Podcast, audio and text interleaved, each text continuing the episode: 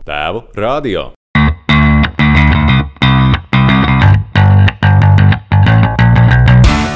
Sveiks! Tu klausies Tēva radio podkāstu, kurā runājam par vīriešiem svarīgiem jautājumiem. Šajā sarunā mans kolēģis Lauris Bokišs turpina sarunu cikla Global Gaitāk, atklātās sarunas par tēmām, kuras nav ierasts cilāt vīriešu starpā. Un viņš tās cilā gan te, gan otrdien vakaros klātienē Paula Stradiņa medicīnas muzeja telpās. Kamēr tu gatavojies nākt klātienē, noklausies šo sarunu par ievainojamību ar Lauru Liepu. Lauris ir jurists, zvērnāts advokāts, Kobalta biroja vadošais partners, Latvijas Universitātes un Rīgas juridiskās augstskolas lektors un galvenokārt jau lielu bērnu tētis. Divi Lauri šoreiz runā par to, vai ievainojamībai ir vieta tiesas procesā, vīriešu dzīvē un attiecībās. Kur meklējams vīriešu ievainojamības spēks un kas mūs padara stiprākus un noturīgākus ikdienā un krīzēs. Mūs interesē arī, kāds ir tavs viedoklis par šo, tāpēc padalies komentāros. Patīkam klausīšanos! Labdien! Šodien mans viesis ir advokāts, zvērnāts advokāts, jurists um, Lauris Liepa. Lauris ir um, bijis man pasniedzējis senos laikos, kad es biju, kad es biju uh, students, un, uh, un, un es domāju, un, un, un redz, man atmiņa ir tāda, ka Es nevaru īsti labi atcerēties, vai tu man mācīji lietu tiesības vai ģimenes tiesības. Bet uh, katrā ziņā tas bija aizraujoši. Un, un, uh, ja tās bija ģimenes tiesības, tad tas ir likumsakarīgi, tas, kuras esmu nonācis biedrībā tēvi. Uh, ja tās bija lietu tiesības, tad uh, tāpat tās vienkārši tas bija aizraujoši. Tu biji mīļākais, tāds aizrautīgākais, cilvēciskākais no visiem pasniedzējiem, ar kuriem es sastipos tajos laikos, kad es 2000. gadu sākumā studēju juristos. Paldies!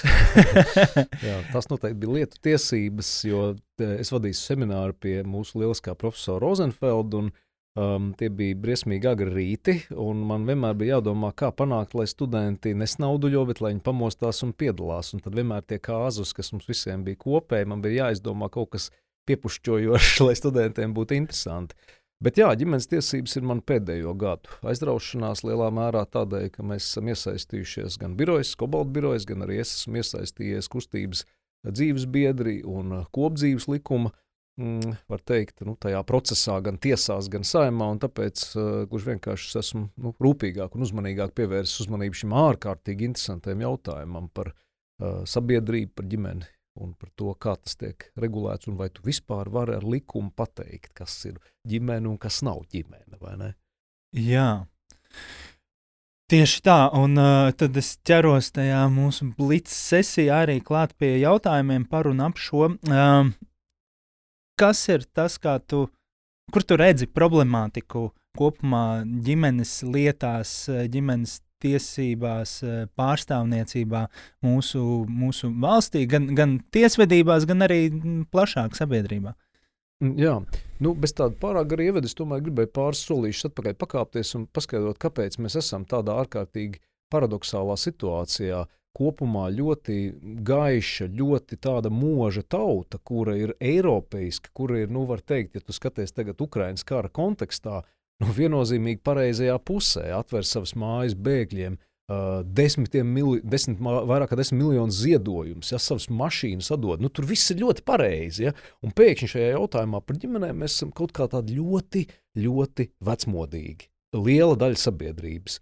Tur skatī, ļoti interesants tas skatījums ir socioloģiski, kādos novados, vai pilsētās, vai laukos, kā cilvēki attiecās. Bet tā ir viena atsevišķa gara tēma, uh, Bet man liktos, un es redzu to skaidrojumu, ka tā problēma ir tajā, ka eh, pēc 40. gada, kad Padomju Savienība iebruka Latvijā un kad sāka masveidā uh, piepludināt šeit uh, ar sveš, svešus cilvēkus, kad, mēs, kad mūsējos sāka ne tikai nogalināt, bet piespiedu doties bēgļu gaitās, nu, mazai tautai ieslēdzās tas izdzīvošanas uh, modelis, kurā mēs secinājām, ka mēs varam izdzīvot tikai, ja mēs esam uber konservatīvi. Nu, tādā nozīmē, ka mēs neuzņemam uzreiz kaut kādas jaunas vērtības, jaunas lietas. Mēs cenšamies noturēties pie tā, kas ir drošs. Un drošs ir nu, pamats standārts. Ja? Vīrietis, sieviete, bērni, nu, tātad ģimenes kodols, kodols, kur cilvēkam tu vari uzticēties, cilvēkam tu vari nodot tālāk to, ko nu, manuprāt, ļoti veiksmīgi Egils Levits ieviest tajā mūsu ikdienas terminoloģijā tā dzīves ziņa. Ja? Par to, protams, ir daudz joku un tā tālāk, bet ideja par to latviešu dzīves ziņu ir ļoti pareiza. Ja? Tev ir jābūt kaut kādam pamatkodam, ar kuru tu saproti, ka izdzīvosi ne tikai tu un tavi bērni, bet ar kuru izdzīvos tava tauta. Un, protams, ka tā tad okupācijas laikā tā bija absolūti intuitīvi pareiza, instinktīvi pareiza un arī racionāli pareiza pieeja, kā tu vari nodrošināt, ka latvieši izdzīvo. Pat tad, kad viņi vienā brīdī, jau 80. beigās, bija kļuvuši gan izsaka mazākums, nu ne tikai tur, teiksim, atsevišķos reģionos un pilsētās, bet vispār draudēja kļūt par mazākumu savā valstī. Vienīgais izdzīvošanas variants, protams, ir nu, iekapsulēties un būt cik vien iespējams noturēt uh, patriarchālu, tādu tradicionālu pieeju. Ja? Nepareizi, patriarchāli nav pareizi, tāpēc, ka sievietes jau, protams, arī Latvijā ļoti stipras. Ja? Nav tā, ka tikai veči izvelk to maču. Līdz ar to, nonākot neatkarīgā valstī, nu, mēs pēc inerces to pašu arī turpinājām. Un, protams, mums ir izcili labs rādītājs attiecībā piemēram, uz sieviešu līdzdalību. Nu, Kaut kādos procesos, gan vadītāju amatos, Latvija ir viena no Eiropas, Eiropas līderes, laikam, sieviešu vadītāju uh, statistikā. Uh, piemēram, manā profesijā, jurisprudencē, sievietes uh, ir jomas, kurās sievietes kļūst pat skaitliski un arī vadošos amatos pārākas nekā vīrieši kas nav slikti. Ja? Tā, tad, tādā ziņā es uzskatu, ka tā ir ļoti laba tendence, jo tu redzi, kā abi dzimumi savstarpēji sastrādājoties, saspēlējoties, arī rāda to pareizo uh, līdzsvaru. Taču tā problēma ir tajā, ka mēs esam, nu, neesam spējuši paskatīties, kas tomēr šajos 50 okupācijas gados ir noticis paralēli citur pasaulē. Ja, tā tad ārpus aizdzelžas priekškata, ārpus Latvijas, un šie nu, tagad jau 30 gadi nav bijuši pietiekami, Diemžēl, lai mēs varētu nu, pilnīgi, pilnā solī, ne tikai tādā kapitālismu uztverē, ne tikai tajā konsumerismā, ja, kā, kā patērētāja sabiedrība, bet arī pēc būtības, kā atklāta uh, demokrātiska sabiedrība, paņemt visu to no mūsu kaimiņiem, no Ziemeļvalstīm, piemēram, no, no arī citām Eiropas valstīm, paņemt visu to labo, kas ir 50 gados jau tur noticis. Ja, tāpēc mēs zināmā mērā esam atpakaļ vēl aizvien tajā pagātnes režīmā. Nu, bet tā ir tāda tikai man subjektīva ieskats par to problēmu, mm -hmm. kā tā radās. Jā, paldies, paldies vēsturiskajā ieskatā. Bet, tev arī es zinu, ka interesē tiesību, vēsture un filozofija. Ja tu skaties vēl, vēl tālākā pagātnē, tad uh, ir kaut kas, ka, kas vēl nosaka to, kāpēc mēs esam tādi um, iekapsulējuši, grib, sargājoši vai nu, kopumā, kā, kā, kā ir ģimenes tiesības attīstījušās. Mēs jau zinām, ka viņas ir arī pēdējo gadsimtu tāds, uh, produkts, uh, arī savā konservatīvākajā izpausmē. Jā. Nu, man, man nav tāda universāla risinājuma vai universāla skaidrojuma arī tam visam. Es domāju, ka tur ir vairāk faktoru, kas ir kopā uh, spēlējuši un kas ir darbojušies uh, Nu, es jau pieminēju, tātad, ka tas lielā mērā balstās uz to, ka mūsu nu, sabiedrība vismaz tos 50 gadus uh, padomju laikā uh, par zelta laiku uzskatīja posmu, kurā nu, 20 neatkarības gadi starp kariem. Uh, nu, kaut kādā tādā blaumaņā, sud, jaunsudrabiņa blaumaņa, ja, tur upīša, upīša mazāk, bet nu, tajā, tajā kontekstā tie labie laiki, kas bija pirms sākās 20. gadsimta traģēdija, latviešiem ir īpaši, vai ne, mēs esam zaudējuši ļoti daudz uh, cilvēku gan abos karos, gan starp, starpkaru, gan pēckara posmā. Uh, un līdz ar to tā visa tomēr ir vairāk vai mazāk tāda standarta sabiedrība, kurā nu, pareizais modelis ir laulības starp vīrieti un sievieti, tāda mega ģimene ar daudziem bērniem, nu, tāpēc, ka nav penicilīna, ja, nav to potes pret tuberkulozi un bērni mirst, tāpēc arī tas bērnu skaits ir, ir bijis toreiz tik liels. Ja, un, un mēs vēl aizvien mazliet tomēr skatāmies atpakaļ uz to zelta laikmetu, kas ir nu, 19. gadsimtā tā tad ilgs laiks bez kara Latvijā. Ja? Un, un, un es, es domāju, ka kaut kur intuitīvi tas ir, tas ir atnācis līdzi, ka nu, vajadzētu atgriezties tur, tur, tur kur pirms kariem.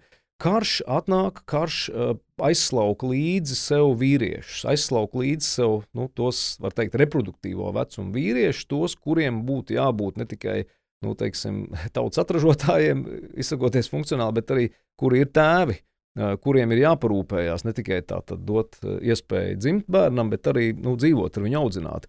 Un nu, tās pēckara paudzes mums jau ir sieviešu paudzes. Ja, tā, tā, tās ir paudzes, kurās to maču izvelk sievietes. Ja, kā, tā, tas ir tas brīdis, kurā Nu, kā lai to pasakā, tāpēc arī es domāju, sabiedrībā ir tas, tas sentiments, ka vajadzētu tomēr, nu, ideālā gadījumā bērnam ir abi vecāki. Tas vienmēr tiek uzsvērts kā tāda pirmā labākā iespēja. Ja? Un tikai tagad mēs lēnām sākam domāt par to, ka, nu, patiesībā sakot, ja ir divi vecāki bērnam un abi uh, spēj vienlīdz labi uh, to parūpēties par to mazo, nu, varbūt tomēr nav tik traki. Varbūt tomēr vajadzētu pieļaut, ka varbūt arī divas sievietes var audzināt bērnu, ja, vai divi, divi vīrieši var audzināt bērnu. Nu, tas, protams, vēl aizvien ir milzīgs tāds tabū un vēl aizvien tāda tēma, kura varās vaļ, vaļā lēnām, negribīgi.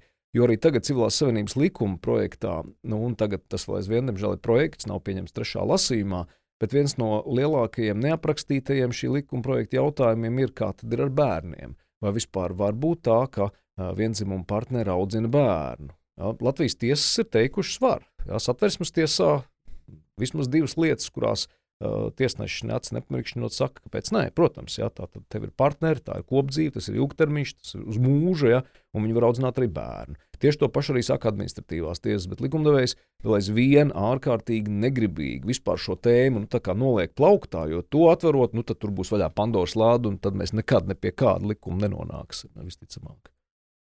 Mm.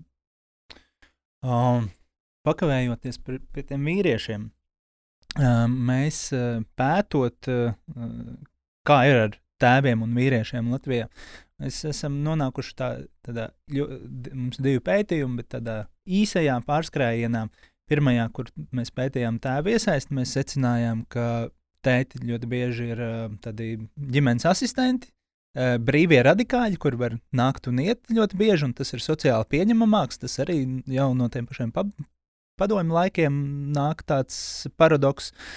Uh, un otrā pētījumā, kur mēs skatījāmies uz tiesu praksi un, un, un, un intervējām šķirtos tēvus, ja, tad uh, tur mēs savukārt nonākam tajā, uh, kur no tā, ka tu esi tāds brīvs un, un pieejams, tu nonāc tajā, ka, tā, ka pēc šķiršanās tu uh, pēkšņi esi absolūti pazaudējis bieži to pamatu zem kājām. Tu nezini, kā būt ne emocionāli, ne juridiski, ne sociāli.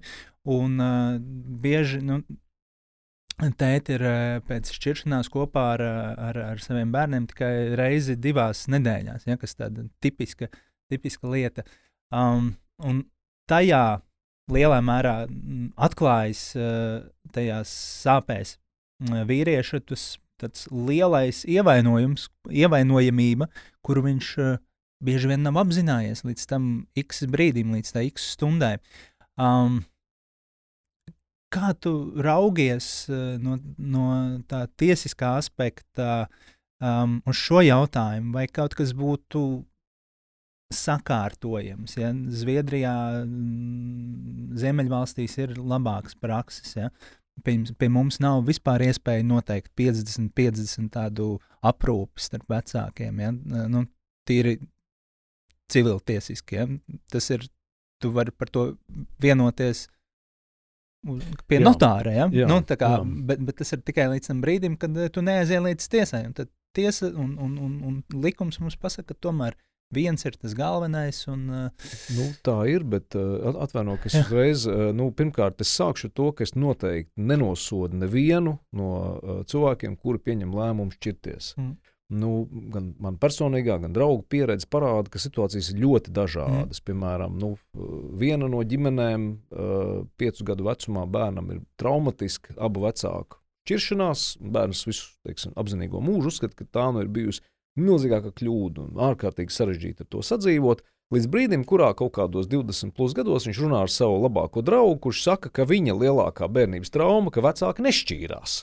Ja? Tad jūs saprotat, ir tā, ka tie divi, kas aizgāja, katrs uz savu pusi un sīkais palika viens, un viņam ir traumatisks trūkums, klasika tēva trūkums. Ja, jo tēvs ir jauna ģimene, un viņš tikai reizi tur, kā tu sacīji, divās nedēļās, vai pat ļaunāk, tikai vasarā, piemēram, tā pa, īst, pa īstām, nu, tās garās stundas. Otram ir nepārtraukti ķīviņi, ir, ir strīdi, ir, ir tāda ņemšanās, ka viņš saprot, ka nu, vecāki dzīvo kopā, lai viens otru tur, tur iznīcinātu, nožņauktu. Ja, tā, ja. Līdz ar to man nav risinājumu, kurš pateikt, redz, kur ir universālais modelis. Un tāpēc es domāju, tā ir vai nu nezināšana, tāds, tā, tā, tāda ignorance tiem cilvēkiem, kuri saka, laulība un tikai laulība, ja nekas cits. Vai arī tā ir ļaunprātība? Es uzskatu, ka ir ļaunprātīgi apgalvot, ka lūk, tikai laulība var būt labs variants. Nu jā, tāpēc, ka tu jau saproti, ka uh, tev tā dzīve nav vairs tāda vienkārša, kur, teiksim, ārpus laulības nekas vairs cits nepastāv.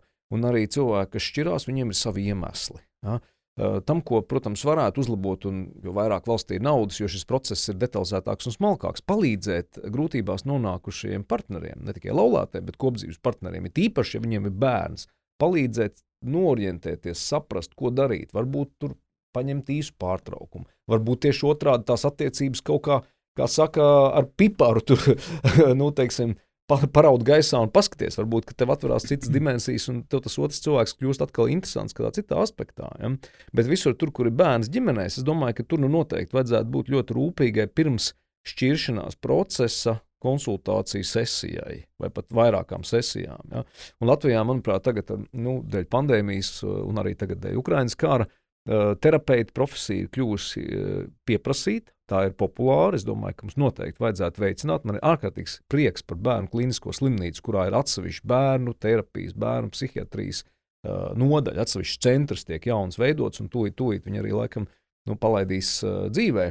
Tad tā ir tā vieta, kurā nu, cilvēkiem palīdz norientēties sarežģītā brīdī.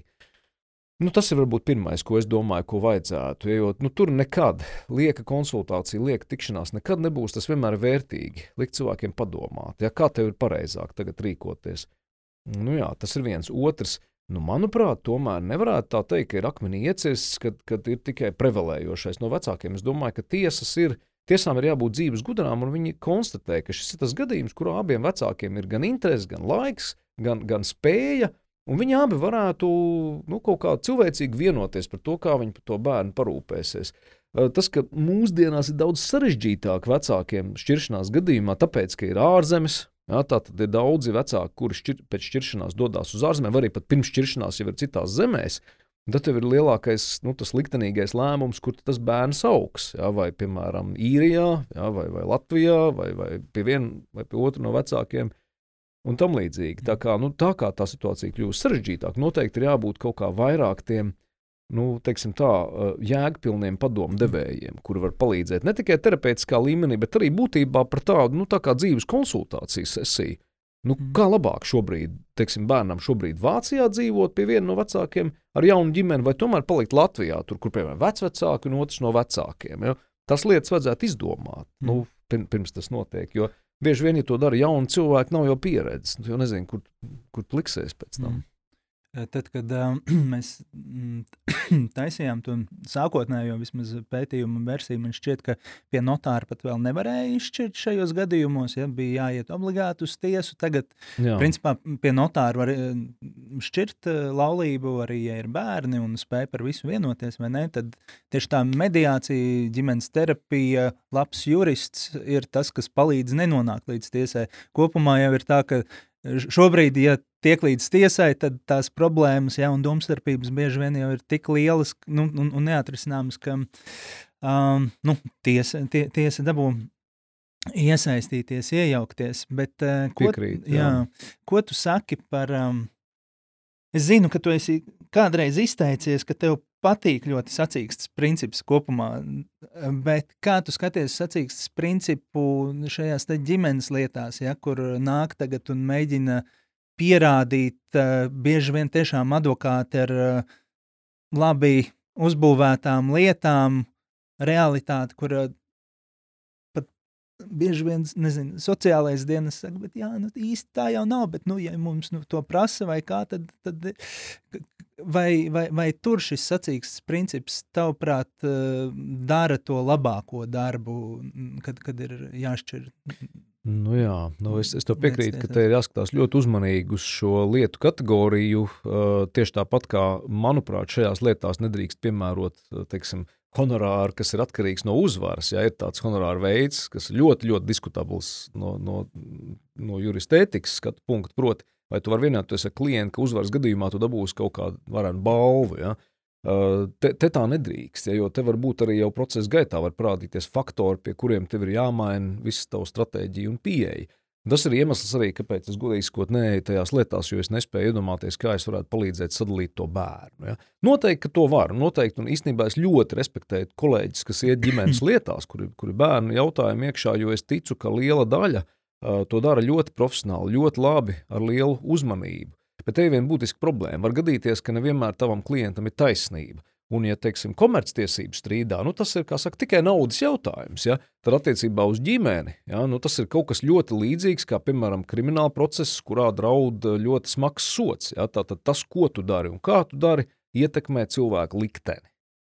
Un tāpēc es domāju, ka nu, tīra sacīksts, protams, te nebūs. Un, protams, ka tiesai ir lielā mērā jābūt arī procesa vadītājam, un sacīksts sacīkstēji, bet tev ir iespējas pieaicināt speciālistus un zinātājus, kuri palīdz pateikt, ka nu, šeit tomēr labākais variants ir A, nevis tur A vai, vai daļēji B.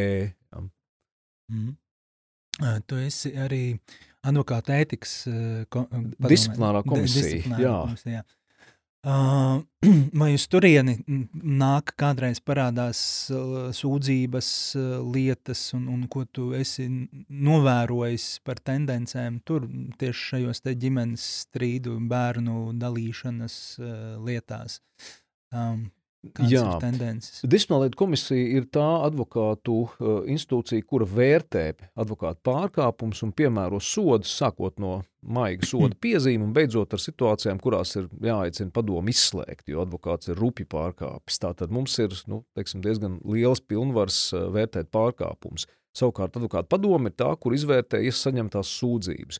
Un proporcionāli ir tā, ka Gadā ir 100, vairāk kā 100, 100, 200 sūdzības un kopumā ne vairāk kā 20 lietas. Ja, tā tad sūdzība ir daudz, un tā skaitā tur, eh, nu, protams, mums par tām informācijas nav, jo tās ir lielā mērā eh, nu, pakļautas eh, konfidencialitātei. Tur ir gan advokāta noslēpums, iekšā gan arī klienta personas datu aizsardzība. Līdz ar to mēs nezinām tās visas, bet viena daļa, protams, attiecās arī uz advokāta nu, nepietiekami kvalificētu vai nepietiekami labu pārstāvību. Man nav precīzi datu par to, cik tās attiecās uz ģimenes lietām. Bet es nevaru pateikt, ka mums būtu kāda lieta, kurā nu, teiksim, būtu advokāts sodīts tieši par, par, par, par rīcību. Uh, ir, ir viena vai divas, kur tā izskaitā ir bijusi uh, advokātu un klientu nesaprašanās uh, šāda veida lietās. Jā, tādas ir bijušas pagātnē, bet pēdējos gados, piecos, es neatminu tādu lietu. jo um, tas pie mums bieži nonāk tēti šķiršanās procesā. Jā. Ar jautājumu, ko darīt, kā man būtu, ja, tad, kad viņi ir sapratuši, ka nu, kaut kas uh, nav, nav, nav sanācis uh, galīgi tik labi, un tad meklē gan, gan tiesisku, gan emocionālu, gan, gan praktisku padomu. Un tad uh, viņu bieži tajos gadījumos ir tas, uh, nu, ka uh, pret viņiem ierosina nu, tādas trakas lietas, ja, nu, tur, kuras viņi spēja pierādīt kā, kā, kā maldīgas, kā, kā nepatiesas, ja, par, par vardarbību, seksuālo vardarbību un tā līdzīgi. Jā. Un, un tad bieži vien šie vīrieši savukārt pretī nestājas. Vai, principā, principā viņi bieži vien vispār nonāk nu, pie tās ievainojumības eh, velku tajā punktā, kur tu esi pilnīgi izšķīdis. Tu Jā. uzzini, ka tu esi bijis seksuāli vardarbīgs pret savu bērnu jā, no, jā. no tiesas materiāliem. Tā, tā ir šaušalīga situācija, un es varu tikai uh, iedomāties to ārprāt, kas notiek, ja uh, kāds cilvēks uh, ir nepatiesi apvainots.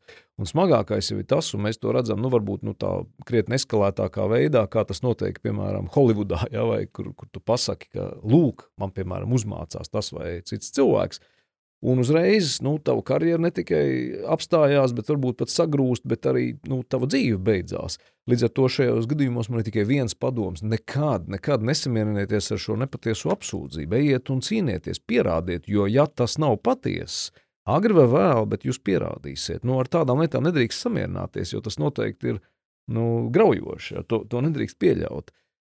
Nu, smagākas situācijas, protams, ir, ja eh, kaut kādas tādas lietas ir, un ja cilvēkam ir varbūt arī nu, dabiska, dabiska tāda, nezinu, tieksme, ja, tādā gadījumā, protams, ir jāmeklē palīdzība. Ja, bet mums taču ir arī kvalificēti terapeiti un noteikti ar, ar, ar sevi ir jāstrādā. Tā kā nevienā no gadījumiem ar to nedrīkst samierināties, to nedrīkst atlikt malā. Es zinu, ka latviešiem nevienmēr patīk nu, teiksim, tā, cīnīties, ja, vai pat vēl vairāk iet uz tiesu, bet ir gadījumi, kuros nedrīkst neiet. Mm. Tādām cilvēka izaugsmes vai, vai tādā filozofiskā mm, plāksnē mēs par ievainojamību, nu, vismaz mūs, mēģinām mūsdienās runājam, kā nevis par tādu vājumu izpausmi, bet par spēku izpausmi, uh, par savas, nu, tādas sevis apzināšanās, savas uh, stāšanās sev pretī izpausmi, kurā tu vari tikt pie lielāka, lielāka es, pie, pie lielākas saprašanas par to, kas ir tava dzīve.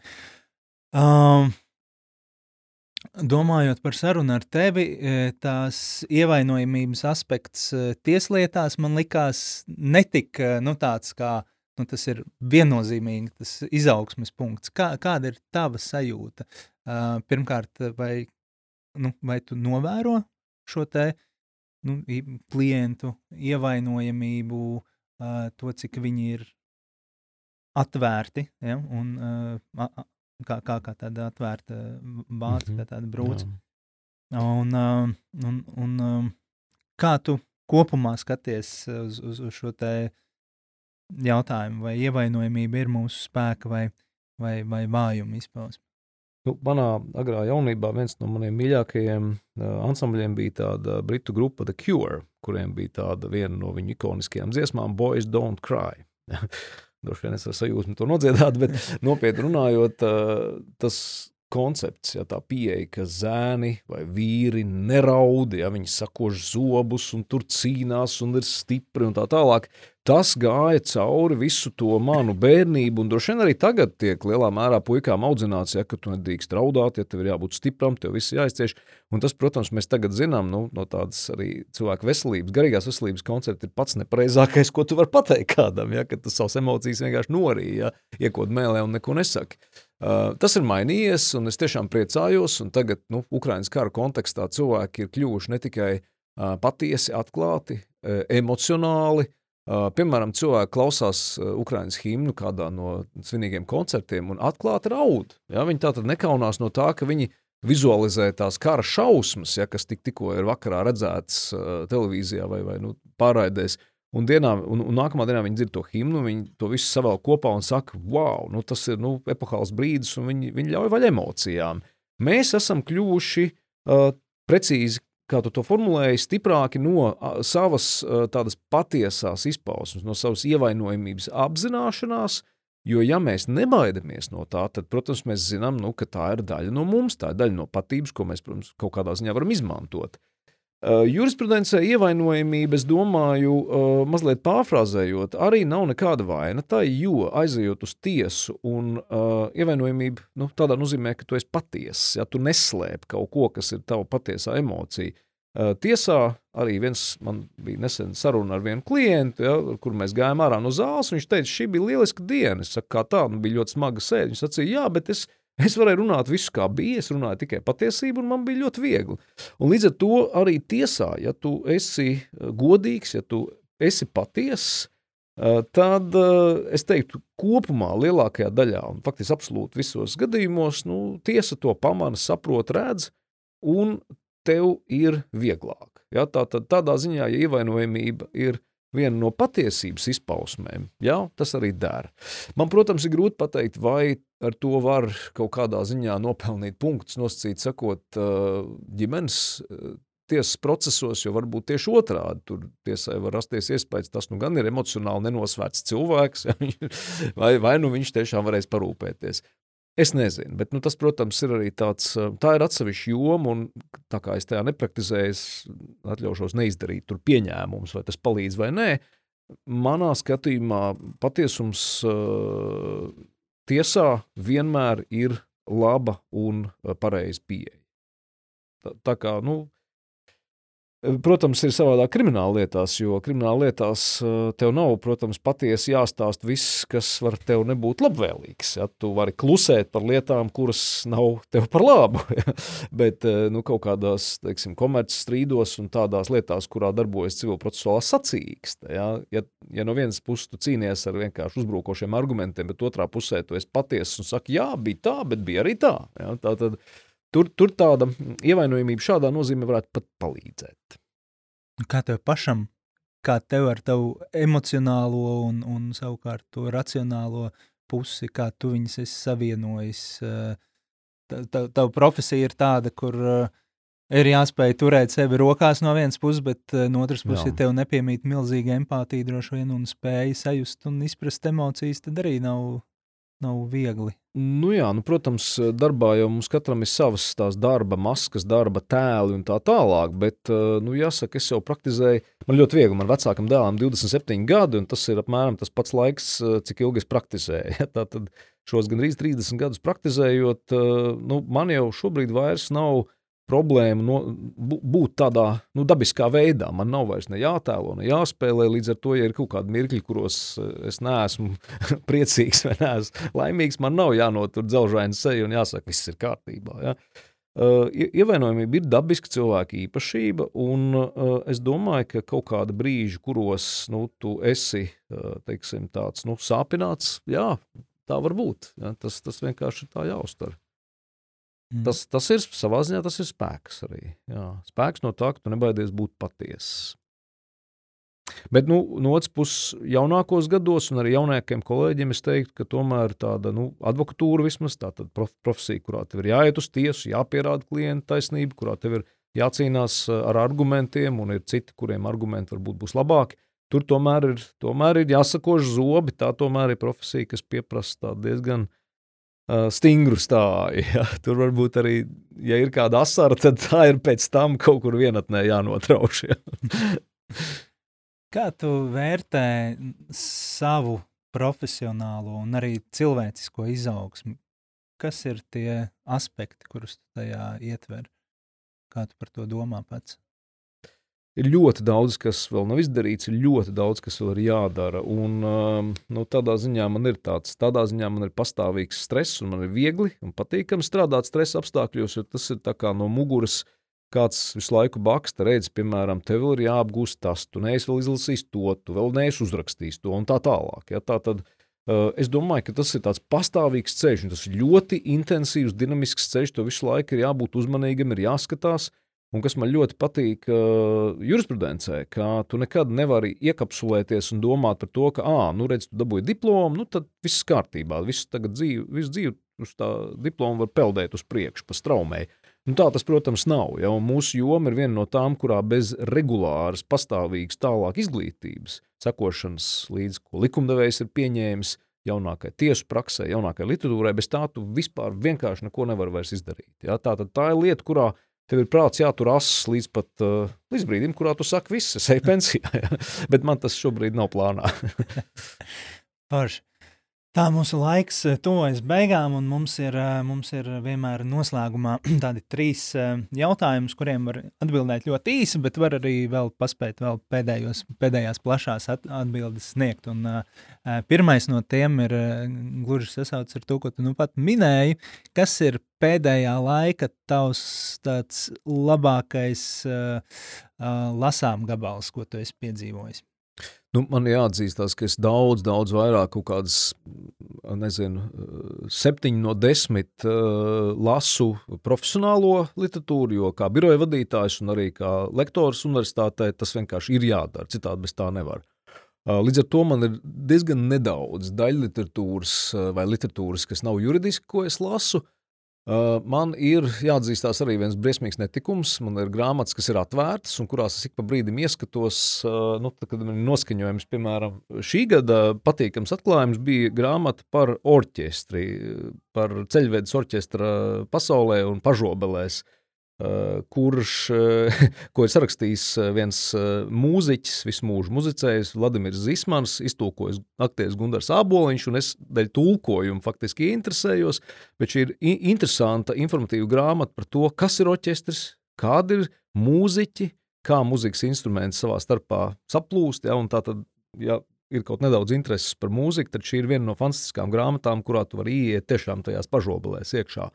Tad man ir uh, grāmata, kas man ārkārtīgi saistīja un kas ir ārkārtīgi interesanta un ļoti patīkami lasām, ir uh, vēsturnieka, uh, nu, noteikti arī ļoti labi pazīstama uh, Juvala Harara. Uh, Harari, no Juvala Noā Harari grāmata Sapiens, un tagad ir priekšā jau nopirkts un nolikts viņa jaunais izdevums.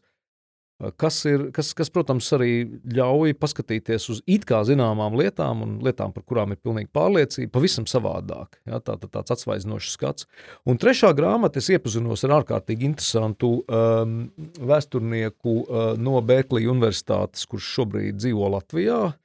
Uh, jā, tas ir, tas, ir, tas ir autors, kurš ir dzimis Maskavā, un tātad profesors ASV Jurijs Sļoskins, kurš ļoti labi pārzina Austrumēropas vēsturi, Austrumēropas un Krievijas ebreju vēsturi. Viņš ir sarakstījis vienu ļoti interesantu grāmatu Valdības nams.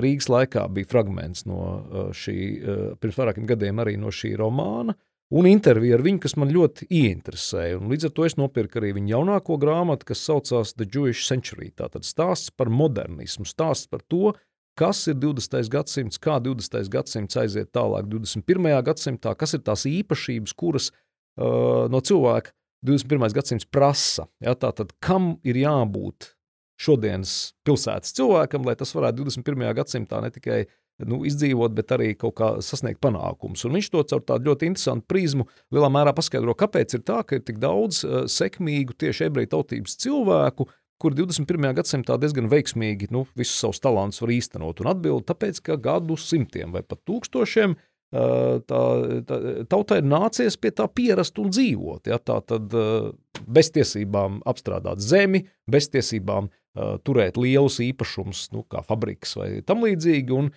visu laiku domāt par to, kas tad ir tā vērtība, ko tu vari nest sev līdzi un atdot nākamajām paudzēm. Nu, izrādās šī vajātas tautas pieredze ārkārtīgi labi noder 20. un 21. gadsimtā. Ļoti interesants arī tāds vēsturisks ekskurss.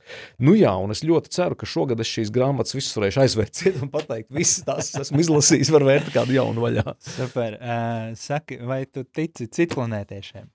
Eh, es ticu, ka ir dzīvība ārpus Zemes civilizācijas, ir dzīvība arī citās galaktikās, kuras, kā zināms, ir vismaz 200, varbūt pat 400 miljoni apkārt mūsu galaktikai. Es nevaru to noliegt. Jā, un noslēgumā kāds um, padoms, ko tu atceries no sava tēva? Vai dieniņa, man ir viens skaists, eh, man ir ļoti daudz eh, padomu eh, gan no tēva, gan no manas omītes. Tie cilvēki, kas ir atstājuši ļoti spēcīgu iespaidu uz mani, un mans tēvs ir bijis ļoti godprātīgs cilvēks. Viņš ir strādājis visu mūžu valsts pārvaldē, un tad, kad viņam vienreiz aicināja iet uz privāto, nogrozīja galvu un teica, nē, es tur negribu iet, jo viņš gribēja, nu, viņš gribēja palikt un arī turpināja palikt tāds godīgs cilvēks, kuram nekad nebija jā, jāpieņem kompromisu lēmumu, jo, protams, privātajā biznesā tev ir nepārtraukt kompromisu, tā tas ir. Bet viena lieta, ko viņš man tā pus pa jokam, pus nopietni teica, ieraugot uh, to manu kalendāru, kas ir tiešām ļoti piepildīts un piesātināts, viņš teica, mācījās savulaik Tehniskajā universitātē, aparātu būvniecības inženieru specialitātē. Viņš teica, mums bija tāds viens profesors, kurš skatījās uz tiem studentiem un teica, tā, kas vienmēr visu grib paspēt, nekad neko nepaspēja. un šī ir ļoti vērtīga tēze, ka, nu, kad tu plāno savu dienu, kad tu domā par to, ko tik vēl tu nevarētu sastrādāt, esi drīzāk piesardzīgs nekā drīzāk, nu, tā teikt, uh, oportunistisks. Ja? Nu, jā, šis ir viens no tēva padomiem, ko es tik ļoti reti ievēroju. Es vienmēr nožēloju, ka es neievēroju šo tēva padomu. Super, Laura. Lielas tev paldies par uh, sarunu, uh, ka tu savā saspringtajā grafikā atradi šo stundu sarunāji ar mums, tēva radio. Paldies tev un uh, cerams vēl tiekamies. Liels paldies, ļoti vērtīga saruna un paldies, ka jūs esat. Labprāt, tikšos vēl. Paldies, ka noklausījāties līdz galam! Kas tev patika šajā sarunā? Atstāj komentāru jebkurā no platformām, padalies ar draugu un seko mums, lai dzirdētu arī nākamo sarunu. Atā!